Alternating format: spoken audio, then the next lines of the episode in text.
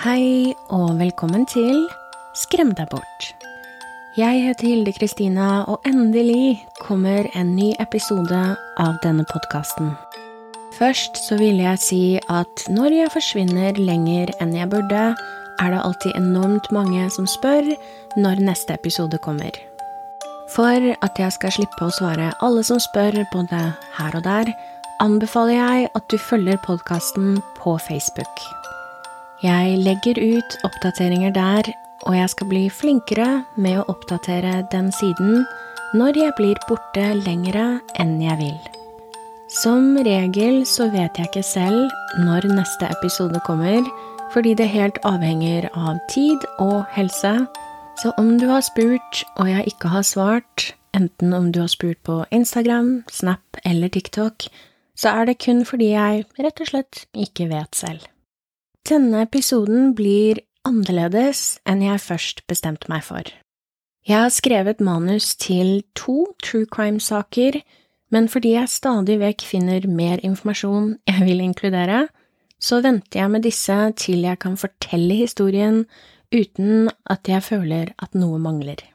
En av disse sakene, som sannsynligvis mange av dere har hørt om, er kjent som The Boy in the Box. Dette er en sak som har vært et mysterium i 66 år. I år delte de identiteten til denne gutten, og jeg kommer definitivt til å snakke om den senere, men vi vet fortsatt ikke hvem som drepte han. Personlig så liker jeg ikke saker der vi ikke har svar. Det fordi jeg ofte blir liggende våken om nettene og tenke og derfor venter jeg med den saken til politiet deler mer. Jeg ville riktignok nevne at vi har fremskritt i den saken fordi det er mange av dere som har spurt om jeg kan snakke om den. Politiet har sagt at de har en rimelig god anelse om hvem som drepte han, men de holder dette skjult fordi det å dele det kan selvfølgelig ødelegge videre etterforskning. Det var en veldig lang intro, og når det er sagt, i denne episoden har jeg samlet noen kortere, skremmende historier. Jeg har en evig lang liste over historier jeg har lyst til å dele på denne podkasten, så nå da så samler jeg en håndfull og lager en episode som absolutt ikke har noe emne. En ting som går igjen i to av historiene, er riktignok noe av det mest skremmende jeg vet om. Ting som ikke er skummelt i utgangspunktet, men som blir det i riktig, eller feil, sammenheng. Smil og dans er to ting man ikke akkurat forbinder med grøss og gru, det samme med barn. Allikevel er Smile en bra skrekkfilm, barn i skrekkfilmer er helt grusomt, på en bra måte, og den dansende serbiske kvinnen gir meg frysninger. Det var mye, takk for at du holdt ut. På tide å kaste oss inn i første historie i denne episoden. Den første historien er hentet fra subredditen som heter Short Scary Stories, er skrevet av en bruker som heter Mo Golis Mo Problems, og heter i am gonna kill somebody today. Altså, jeg skal drepe noen i dag. Jeg skal drepe noen i dag. Jeg kommer til å drepe noen i dag. En mann. En ekkel mann. Foreldrene mine vet ikke om han, men han er slem. Jeg hører han skrike og hoie gjennom veggene. Foreldrene mine hører han ikke. Han stirrer på meg gjennom vinduet og lager grimaser. Stygge grimaser. Noen ganger spytter han på meg og sier at han kommer til å gjøre ting. Han har gjort vennene mine vondt. Jeg liker han ikke, så jeg skal drepe han. Jeg fant en skarp bit med metall, en bit som ser ut som den har falt av et metallrør eller kanskje noe annet gammelt. Jeg kommer til å bruke den som et sverd, og jeg skal knivstikke han. Jeg har ikke fortalt vennene mine om planen min. Jeg vil ikke at de skal bli redde eller avsløre planen min uten å mene det. Det kommer kanskje til å være veldig vanskelig, fordi beinet mitt er lenket til denne stygge metallveggen, men jeg skal prøve. Neste gang han kommer ned for å hente en av oss opp, så skal jeg få han til å komme over til meg, og så skal jeg stikke han i nakken. Det er sånn de gjør det på film. Jeg kommer til å ta nøklene hans og slippe meg og de andre barna ut herfra, ut av dette grusomme rommet. Jeg kommer til å drepe han. Jeg har sett han komme ned hit og gjøre det mot et par av de andre barna her, så hvor vanskelig kan det være?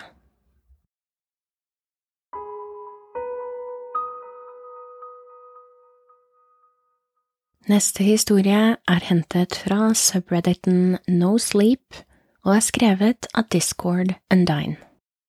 Historien heter The Dancing Man in the Alley, eller Den dansende mannen i smuget.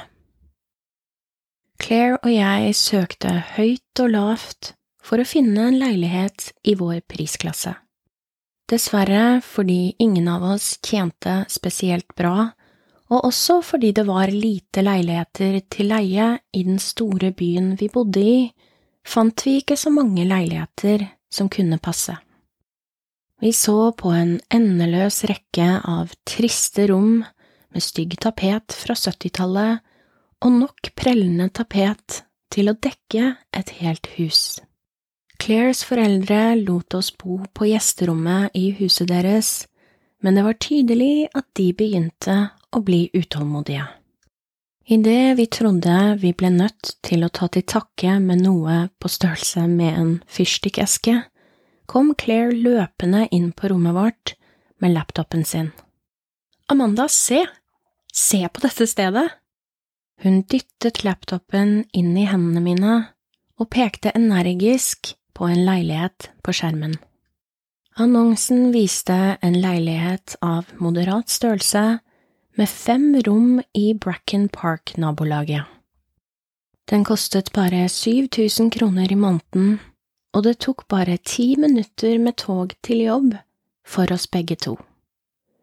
Den hadde et pent kjøkken, relativt nytt teppe og skap på begge soverommene.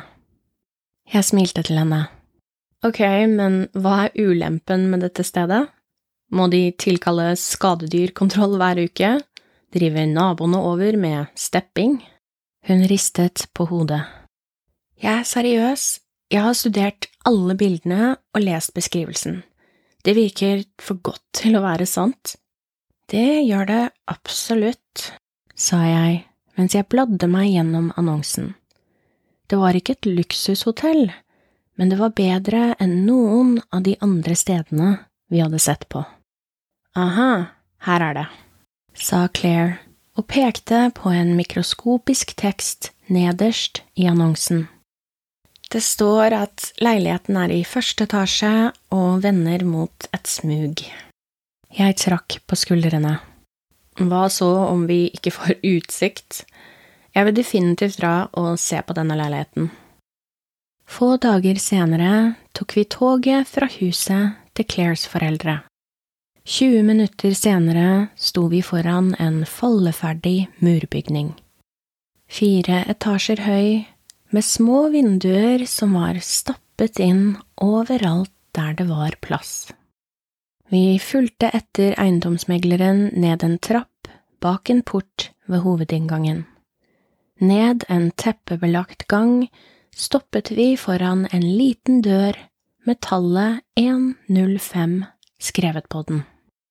Bildene i annonsen stemte godt overens med virkeligheten. Stuen og spisestuen var i ett, med en åpen buegang til kjøkkenet. En kort gang ledet til to soverom og et bad. De tidligere eierne hadde tydelig tatt godt vare på stedet.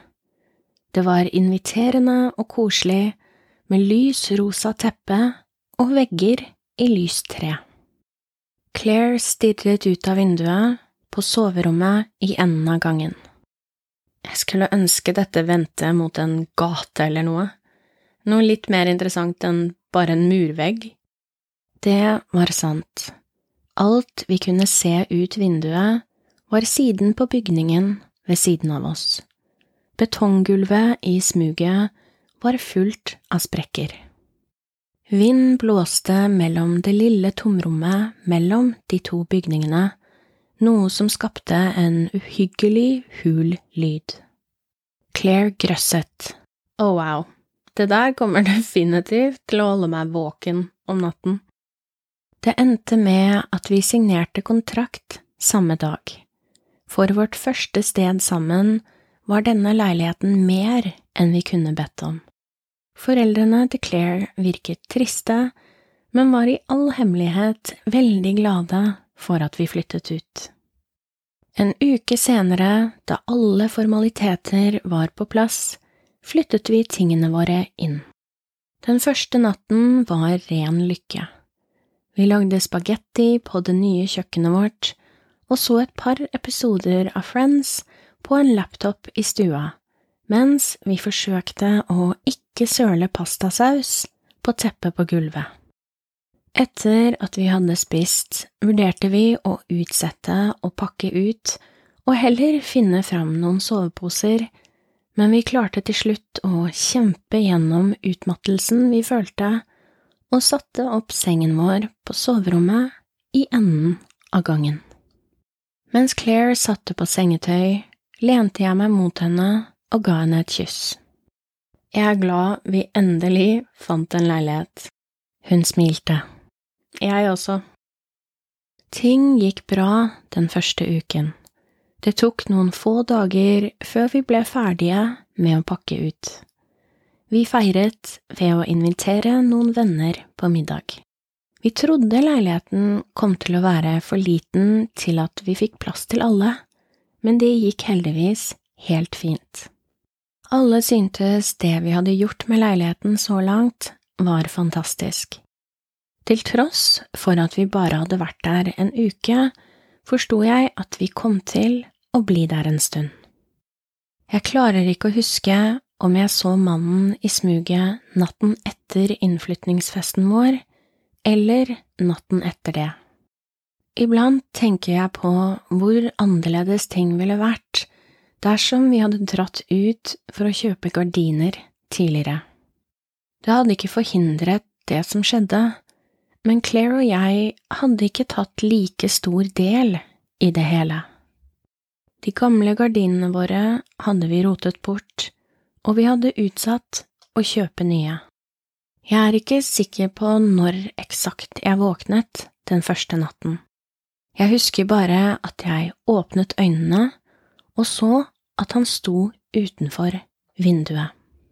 Det var gatelys på fortauene på hver side av smuget, så det var akkurat nok lys til at du kunne skimte små detaljer. Han brukte en slitt, brun frakk med kragen tråkket helt opp. Han sto stiv som en stokk, med ryggen mot vinduet, som om han stirret på veggen på bygningen rett ovenfor vår. Den uhyggelige plystrelyden startet. Som om på kommando ble mannen helt slapp, bena hans litt bøyd. Han løftet sakte den høyre armen over hodet og lot fingrene dingle. Etter et øyeblikks pause begynte han å snurre rundt. Bevegelsene hans var merkverdige og rykkende, som om han forsøkte å riste noe av skoen sin. Armene hans løftet seg mekanisk, hevet og senket seg nesten som om det skulle vært til musikk. Han gynget inn og ut av skyggene og klarte å hele tiden ha ansiktet vendt mot veggen rett ovenfor vår. Dette pågikk i nesten fem minutter. Akkurat idet jeg vurderte å vekke Claire, sluttet han å bevege seg og ble helt slapp igjen. Han løftet høyre ben høyt opp i luften og senket det igjen, som om han snek seg bortover i en tegnefilm. Til tross for at hele kroppen hans vendte mot høyre idet han rykket ut av syne og ned smuget, så sluttet hodet hans aldri å være vendt mot veggen ovenfor. Jeg lå der i mørket i flere minutter etterpå mens jeg forsøkte å forstå hva jeg nettopp hadde sett. Gåsehud spredte seg oppover armene mine. Hvem var den mannen, og hva gjorde han i smuget så sent om natten? Jeg fortalte Claire hva jeg hadde sett morgenen etter mens vi gjorde oss klare for jobb. Hun så litt bekymret ut, men trakk deretter på skuldrene. Amanda, dette er ikke akkurat det beste området i denne byen. Jeg vedder på at det bare var en narkoman som jaget etter skygger eller noe. Jeg ville ikke bekymret meg noe særlig over det. Den siste setningen var lettere sagt enn gjort. Jeg brukte mesteparten av dagen min på å dagdrømme, mens jeg tenkte på den unaturlige vinkelen mannens nakke var bøyd i. Den kvelden idet jeg gikk inn i bygningen, så jeg ned smuget som var parallelt med vinduet vårt. Bortsett fra litt søppel var smuget tomt. Jeg håpet han ikke ville komme tilbake den natten. Mens vi spiste middag, snakket Claire og jeg om hva som skjedde. Vi konkluderte begge med at det sikkert bare var et engangstilfelle. Det gjorde meg litt roligere. Rett før vi gikk og la oss, noterte jeg meg bak øret at vi skulle dra ut og kjøpe gardiner dagen etter. Til tross for at jeg følte meg bedre, så sov jeg fortsatt vendt vekk fra vinduet den natten. Plystrelyden kom fortsatt fra smuget, men den føltes trøstende på en måte, for det betydde at smuget var tomt. Jeg sovnet raskere enn jeg hadde forventet. Da jeg åpnet øynene timer senere, visste jeg at han var utenfor. Klokken på nattbordet vårt fortalte meg at klokka var kvart over to om natten. Jeg følte øynene hans bore seg inn i meg, til tross for at jeg lå med ryggen vendt mot ham. Jeg lå der i flere sekunder vettskremt, mens jeg forsøkte å finne ut hva jeg burde gjøre. Jeg kunne ikke bare legge meg til å sove igjen. Jeg rullet rundt og så ut vinduet. Han sto omtrent to meter fra vinduet, med ansiktet vendt mot vår bygning denne gangen. Han brukte den samme slitte, brune frakken. Jeg klarte ikke å tyde flere detaljer siden det var så mørkt. Til tross for skyggene som forhindret meg fra å se ansiktet hans over den opprettede kragen, var jeg sikker på at han så rett inn i rommet. Han gjenopprettet den samme stive posisjonen, armene hang ved siden av hans, bena sammen. Uten advarsel tok han nok et av de tegneserieaktige, lange stegene sine fremover. Han løftet armene ut fra kroppen og over hodet, mens hendene og fingrene hans hang nedover, som om han etterlignet Dracula. Han holdt den stillingen noen sekunder, mens jeg fortsatte å stirre, vettskremt. Han tok nok et steg noe som gjorde at han bare var én meter fra oss. Noen av naboene over oss må ha hatt lysene sine på, for en lysstråle punkterte veggen av mørke som dekket ansiktet hans. Huden hans var grå og seig. Håret på hodet hans blåste så vidt i vinden. Munnvikene hans var vendt nedover i en grimase. Leppene nådde nesten haken hans. Et øye var åpent, det andre var lukket. Jeg så mørke flekker som dekket øyelokket hans, som var blekt og hovent. Han tok nok et steg og kom nesten helt opp til vinduet vårt, fingertuppene hans lent mot glasset i vinduet. Jeg lente meg over for å vekke Claire. Idet jeg gjorde det, senket mannen armene, og neglene hans skrapte høylytt på vindusruten. Claire åpnet øynene og snudde seg. Amanda, hva… begynte hun. Hun så mot vinduet. Et gisp satte seg fast i halsen hennes. Hva faen? klynket hun. Jeg famlet etter telefonen min. Den høye og skarpe lyden av neglene som skrapte mot vindusruten, ble høyere idet mannen økte tempoet. Han svingte armene opp og ned som om han dirigerte et fly. Akkurat idet jeg ringte nødtelefonen, var mannen som fryst. De rykkende bevegelsene hans stanset, og han snudde ansiktet opp for å stirre. Flere anstrengte sekunder passerte. Uten en lyd snudde han seg robotisk til høyre og tok flere overdrevne steg nedover smuget og forsvant inn i mørket. Det var vanskelig å forklare hva som hadde skjedd til politiet, som ankom 20 minutter senere. Mens en politimann skrev ned uttalelsen vår, gikk to andre politimenn rundt i smuget med lommelykter, mens de lette etter noen vi visste ikke kom til å være der. Politimannen tilbød å sende en bil som kunne kjøre forbi smuget et par ganger natten etter hvis vi ønsket det. Men bortsett fra det så var det ikke så mye de kunne gjøre. Vi kunne ringe dersom noe mer merkverdig skjedde. Han beklaget at de ikke kunne gjøre så mye annet enn å notere det vi hadde opplevd, og deretter dro de. Det var ikke mye trøst men det var bedre enn ingenting. Claire og jeg sørget for at vi fikk gå fra jobb tidlig dagen etter, sånn at vi kunne kjøpe gardiner. Vi valgte ut et par med tunge gardiner med silhuetten av New York City på. Harry, men de fikk i hvert fall jobben gjort. Vi hang dem opp så snart vi kom hjem. Etter hvert som timene gikk og natten var på vei, kunne jeg føle engstelsen i lufta.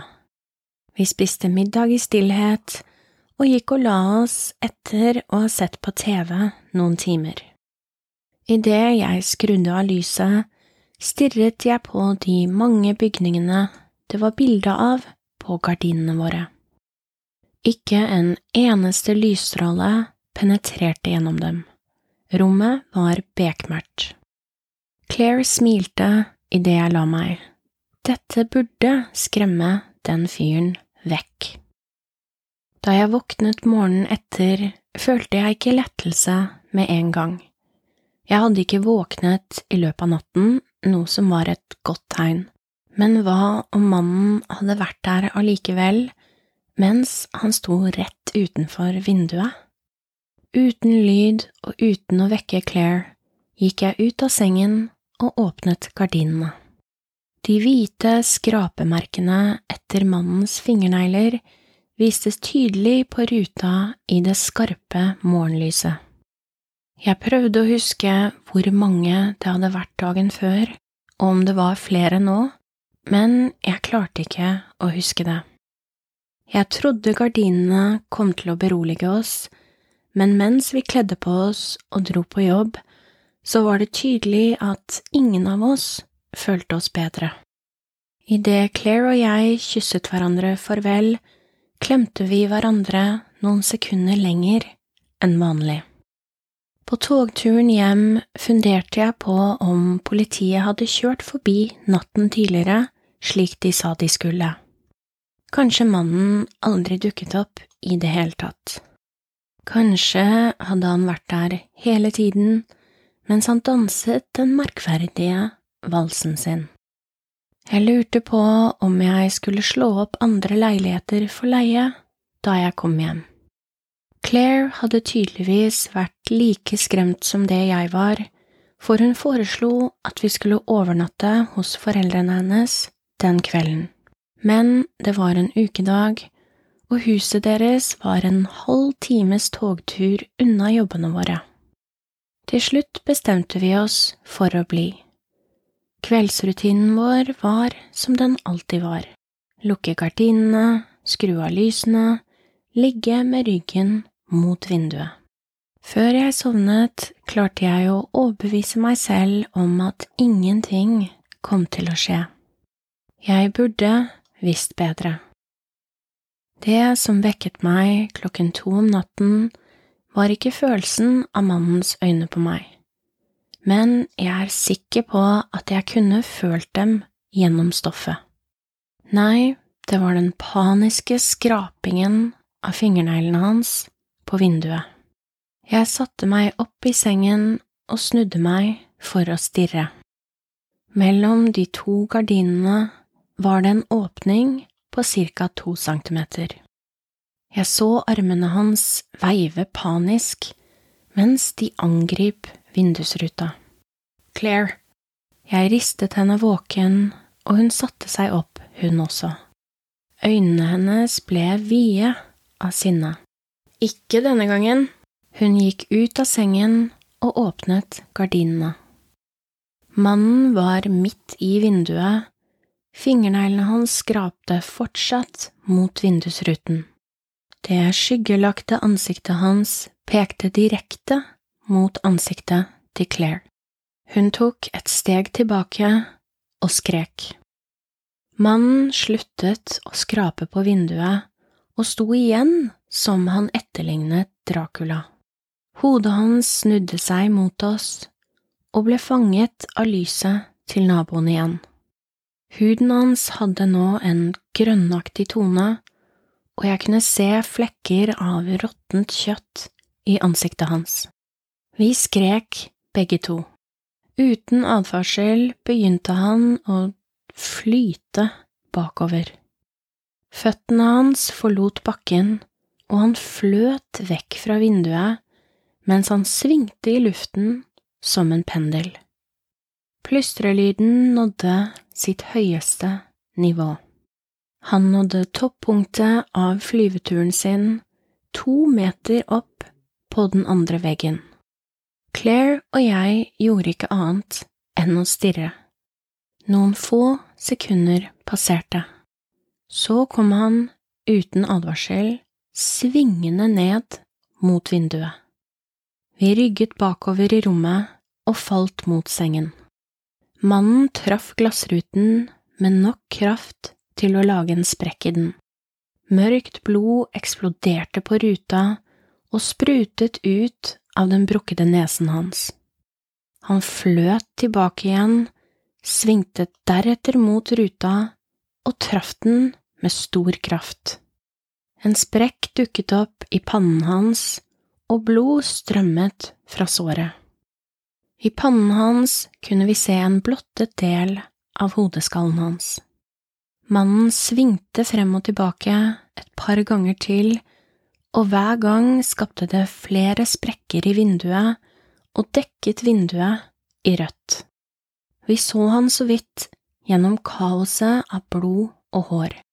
Et sving til, og jeg var sikker på at glasset kom til å knuses. Han rygget igjen. Claire og jeg forberedte oss på å løpe ut av rommet. Han fløt saktere mot oss denne gangen og stoppet rett utenfor vinduet. Vi stirret på det ødelagte ansiktet hans mens han stirret livløst tilbake. Mannen rykket plutselig oppover, halve kroppen hans forsvant over toppen av vinduet. Han rykket rundt som en filledukke. Jeg hørte et par kvalmende knekk, og jeg visste hva som kom. Med et siste knekk så løsnet hodet, armene og bena fra kneet og ned fra kroppen hans. Resten falt forbi vinduet og traff bakken i smuget med et høyt dunk. Hodet og kroppsdelene hans hang i luften et øyeblikk uten overkropp, før de forsvant oppover. Det var vanskelig å forklare for politiet hva som hadde skjedd.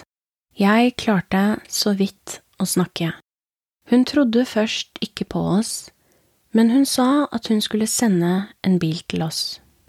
Et par minutter etter at politiet dukket opp, hørte vi en av politimennene utenfor kaste opp. Vi ble senere fortalt at mannen hadde vært død i hvert fall en uke. Hodet, armene og nedre del av bena hans ble funnet på taket. Tykke kabler var sydd og flettet inn i dem. Resten av han lå i en blodig pøl i smuget under. Etterforskeren forsøkte å fortelle oss at han må ha hengt seg i leiligheten sin på den bisarre måten, og at kroppen hans falt ut av vinduet ved et uhell. Jeg skjønte at han desperat forsøkte å finne en forklaring. Vi forlot leiligheten en uke senere og flyttet til et annet nabolag. De fleste nettene så ligger jeg våken og funderer. Jeg lurer på hvem mannen var. Jeg lurer på hvordan han endte opp sånn. Og mest av alt så lurer jeg på hva som var der oppe på taket og kontrollerte kroppen hans som en marionettdukke for å få han til å danse utenfor vinduet vårt.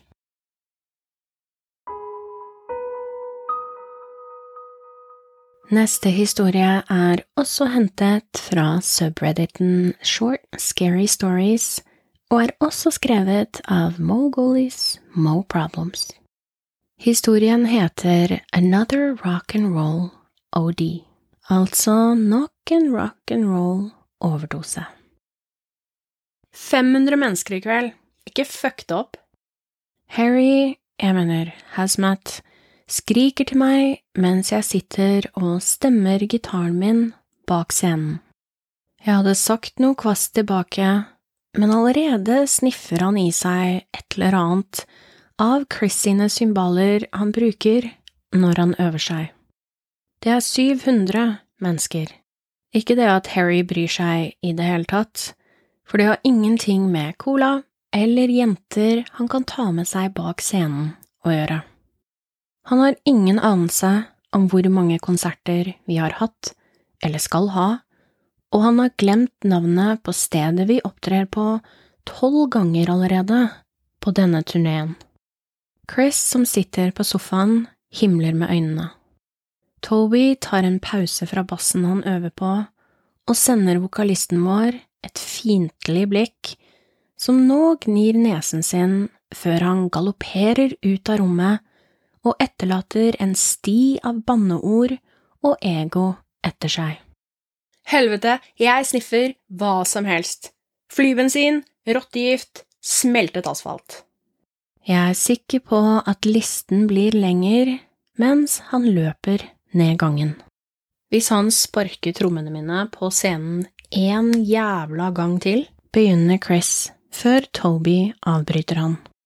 Så du han i går? Han dyttet meg faktisk til side under den instrumentale delen av Sunset Lover. Jeg får én solo om kvelden, la meg få den, for faen! Jeg skjønner ikke at du holder ut, Pete. Jeg holder bare hodet lavt og gir fansen vår det de vil ha, sier jeg mens jeg trekker på skuldrene. Det er ikke hele sannheten. Vi har bare tre shows igjen, og med tanke på mengden kokain Harry bruker, så vil naturen gå sin gang til slutt. 20 minutter senere er vi på scenen. Harry snubler forover, gira på hvitt pulver, og skriker mot publikum. Minnesota, det er 1988, Klokka er ni, la oss gå crazy! 45 minutter inn, og jeg har blitt dyttet til side fire ganger. Toby har blitt sparket i leggen fordi han kom for nær scenen. Harry forsvant under den instrumentale delen av Wheeling and Dealing, han fant på den tittelen, åpenbart, for å fylle på med kokain. Vi har nådd delen der han introduserer bandet, noe jeg har gruet meg til. På trommer Harry dytter borti Chris. Mean Machine Chris Crystal. Chris smiler til publikum og slår noen få slag på trommene. På bass, de beste fingrene noensinne, Toby Turbo. Toby gir publikum et genuint smil. På gitar, dere kjenner han, dere elsker han, Pyro Pete. Jeg spiller noen akkorder fordi jeg må, mens jeg vinker til publikum. Jeg hater det jævla navnet. Harry løper mot fronten av scenen. Og meg, den dere alle kom for å se, Hazmat! Og med det kollapser Harry i kraftige krampetrekninger. Det ser ut som en del av showet, frem til Harry griper seg om halsen idet blod fosser gjennom de sammenbitte tennene hans, og nesen hans lekker mørkerødt. Publikum skriker. Sikkerhetsvaktene tømmer lokalet. Mer blod kommer fra Harrys svettende ansikt idet øynene hans tappes for liv. Snakk om timing. Han sa jo at han ville sniffet hva som helst, La oss legge til kokain mikset med arsenikk og frostvæske til listen hans. Nok en rockestjerners overdose.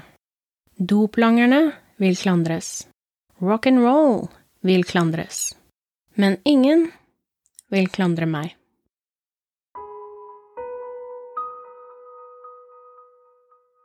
Neste historie er også hentet fra subredditen Short Scary Stories og er skrevet av B is back. Historien heter Everyone has a number written on their arm, eller Alle har et nummer skrevet på armen. Alle har et nummer skrevet på armen. Det har aldri vært et entall. Nummereringen, som historikerne liker å kalle det, skjedde for 52 år siden, 7. juli 2024 klokken kvart over ett om natten. Det var egentlig ikke noe spesielt. Alle så bare ned på armen sin, og helt ut av det blå så de et tall. Kort tid etter fant forskerne ut at regler fulgte med disse tallene. 1. Hver eneste person, uansett, hadde et nummer, og det største tallet da dette ble undersøkt og registrert, var 7 milliarder 574 millioner 299 371. 2. Når noen døde, forsvant nummeret deres og dukket umiddelbart opp igjen på en nyfødt et eller annet sted i verden. Barn ble alltid født med tall. 3. Et sjeldent fenomen som ble observert, ble kalt omnummerering. Når noen dreper et annet menneske, får morderen nummeret til den avdøde. 4. Tallene kan ikke fjernes. Alle metoder har blitt utprøvd, inkludert amputasjon. 5. Det har aldri blitt registrert en person med tallet 1. Etter at tallene dukket opp, ble verdens klasseorden omorganisert. Snart hadde vi bokstavelig talt énprosentene. De fattige med lave tall ble nært kongelige over natten. Milliardærer som ble stemplet med et tall over 100 000, ble utstøtt fra sin klasse. De lavere tallene tok makten i alle land. Den nåværende mannen med tallet to ble president i USA i en alder av 24. Diskrimineringen florerte, omnummereringer blant de høyere tallene var vanlig. De laveste tallene trengte aldri å bekymre seg. De hadde råd til toppsikkerhet til enhver tid. Det eneste mysteriet som forble uløst, bortsett fra det faktum at nummereringen skjedde i utgangspunktet, var den tilsynelatende ikke-eksistensen av tallet én. Hver eneste baby født siden nummereringen begynte, ble sjekket, til ingen nytte. En kult kalt Øyets brorskap, som tilba det mystiske tallet én, vokste raskt inntil verden ble delt inn i to ytterligere kategorier. De som så nummer én som en gud de måtte beskytte, og de som så nummer én som en det ville være en velsignelse å få drepe for å få nummeret hans eller hennes. Selv håpet jeg at det aldri ville være en nummer én, men håpet mitt var til ingen nytte. Nummer én var en liten jente som het Sofia, og hun ble født av min søster. Så snart hun ble født, isolerte personalet, som alle var medlemmer av Øyets brorskap, oss i to måneder. De lot ingen få komme inn eller ut mens de beskyttet Sofia. Men selv stålstøvler lekker, og hun ble oppdaget. Jeg rømte med niesen min etter at søsteren min insisterte, fordi hun fortsatt ikke var på bena igjen etter fødselen. Jeg er overbevist om at hun er død nå. Vi bodde alene i en tynt befolket region av Oregon, men jeg var sliten av å nærmest ha et mål på ryggen. Sofia var ingen velsignelse, hun var en forbannelse. Nummer én er en forbannelse. Men jeg kunne ikke drepe henne, for jeg ville ikke ha nummeret hennes. Så jeg etterlot henne, alene, to og en halv måned gammel, uten i stand til å sitte oppreist på egen hånd. Jeg håpet at et dyr ville ta seg av henne. Jeg håpet at det ikke ville telle som min feil. Håpet mitt var igjen til ingen nytte, for tallet én dukket nettopp opp på armen min.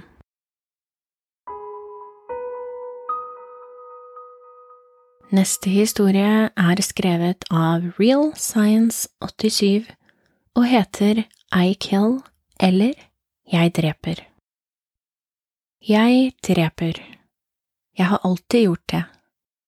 Fra den dagen jeg var gammel nok til å løfte en spade, brukte jeg dem til å slå i hjel levende skapninger før jeg begravet dem. Jeg hadde nådd 26 da politiet arresterte meg. 26 unge kvinner. Alle døde og begravet. Du skulle tro jeg var livredd idet de gravde opp hagen min. Jeg trodde jeg var det, men da de sa de ikke fant noen lik, det var da den virkelig frykten begynte.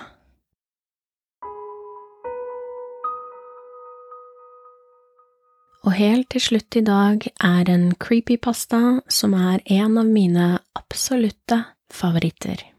Historien heter The Smiling Man, altså Den smilende mannen, det er laget en video av denne historien som er hm, bra, men skummel, som jeg anbefaler at alle søker opp på YouTube. Kortfilmen som er laget, har etter min mening en litt teit slutt, men den gir et godt bilde av noen av tingene historien beskriver. Jeg kommer til å legge link til denne kortfilmen på Facebook-siden til denne podkasten. For omtrent fem år siden bodde jeg i sentrum i en storby i USA. Jeg har alltid vært en nattugle, så jeg kjedet meg ofte etter at samboeren min, som definitivt ikke var en nattugle, la seg for kvelden. For å ha noe å bruke tiden på, pleide jeg å gå lange turer og bruke tiden på å tenke. Jeg tilbrakte fire år på den måten, gikk alene om natten, og hadde ikke grunn til å være redd en eneste gang. Jeg pleide alltid å spøke med samboeren min om at selv narkotikaselgerne i denne byen var høflige. Men alt dette endret seg en kveld, og det tok bare noen få minutter. Det var en onsdag, et sted mellom ett og to om natten, og jeg gikk tur i nærheten av en politipatruljert park et stykke unna leiligheten min. Det var en rolig natt, selv for en ukedag, med svært lite trafikk og nesten ingen til fots. Parken, som den var de fleste netter, var helt tom. Jeg svingte ned en kort sidegate for å gå tilbake til leiligheten min da jeg først la merke til han.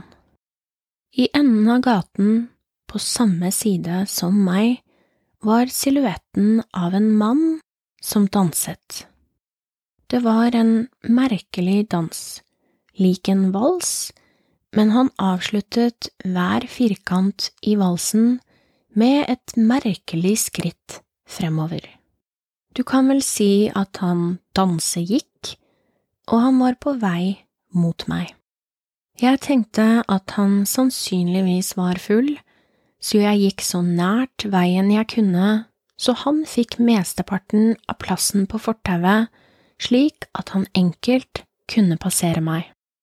Jo nærmere han kom, desto tydeligere så jeg hvor grasiøst han beveget seg. Han var veldig høy og tynn, og han hadde på seg en gammel dress. Han danset enda nærmere meg, helt til jeg kunne tyde ansiktet hans. Øynene hans var åpne og ville, og han hadde hodet bøyd litt bakover mens han så opp mot himmelen. Munnen hans var formet i et bredt smil, lik de du ser i tegneserier. Etter å ha sett både de ville øynene hans og smilet, bestemte jeg meg for å krysse gaten før han kom nærmere.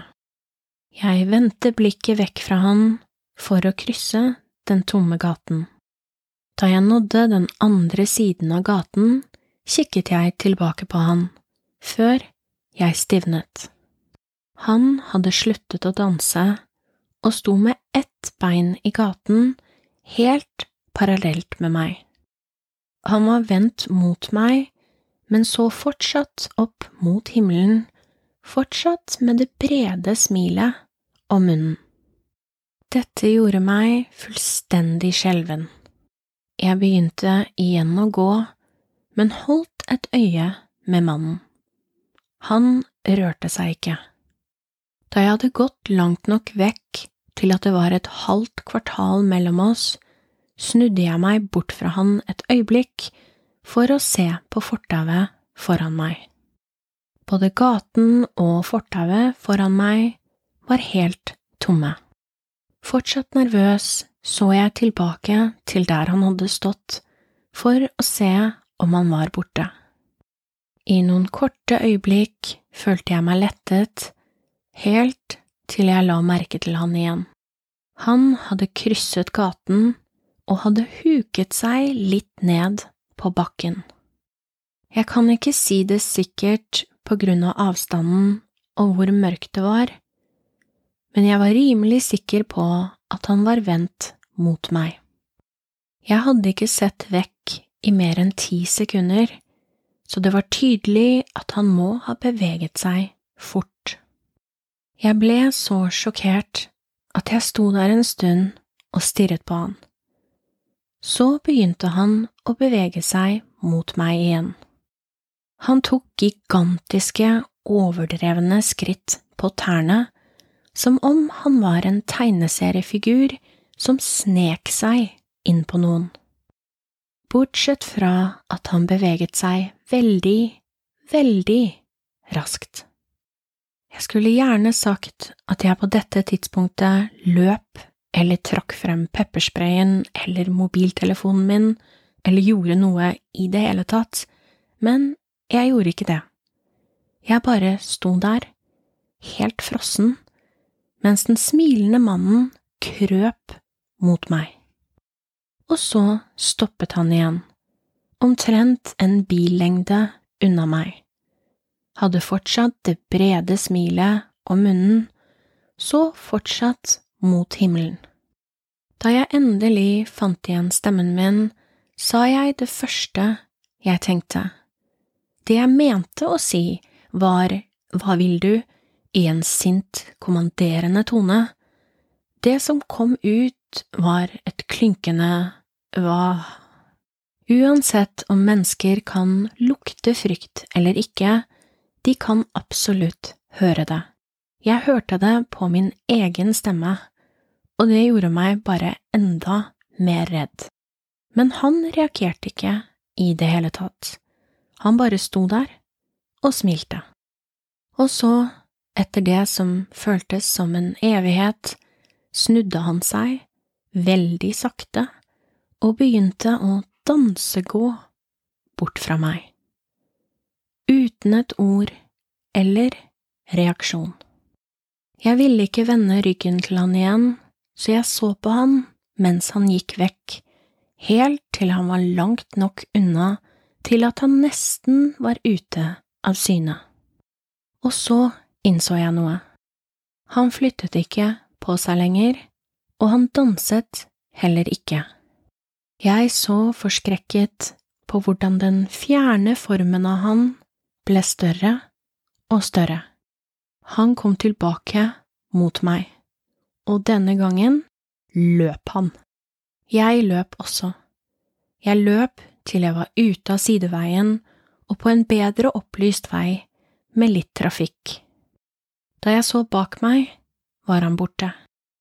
Hele resten av veien hjem kastet jeg stadig vekk blikk over skulderen min og forventet hver gang å se det dumme smilet hans, men han var aldri der.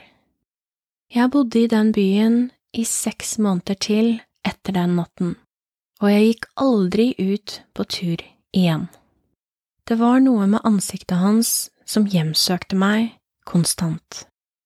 Han så ikke full ut, han så ikke høy ut, han så helt fullstendig gal ut. Og det er en veldig, veldig skummel ting å se.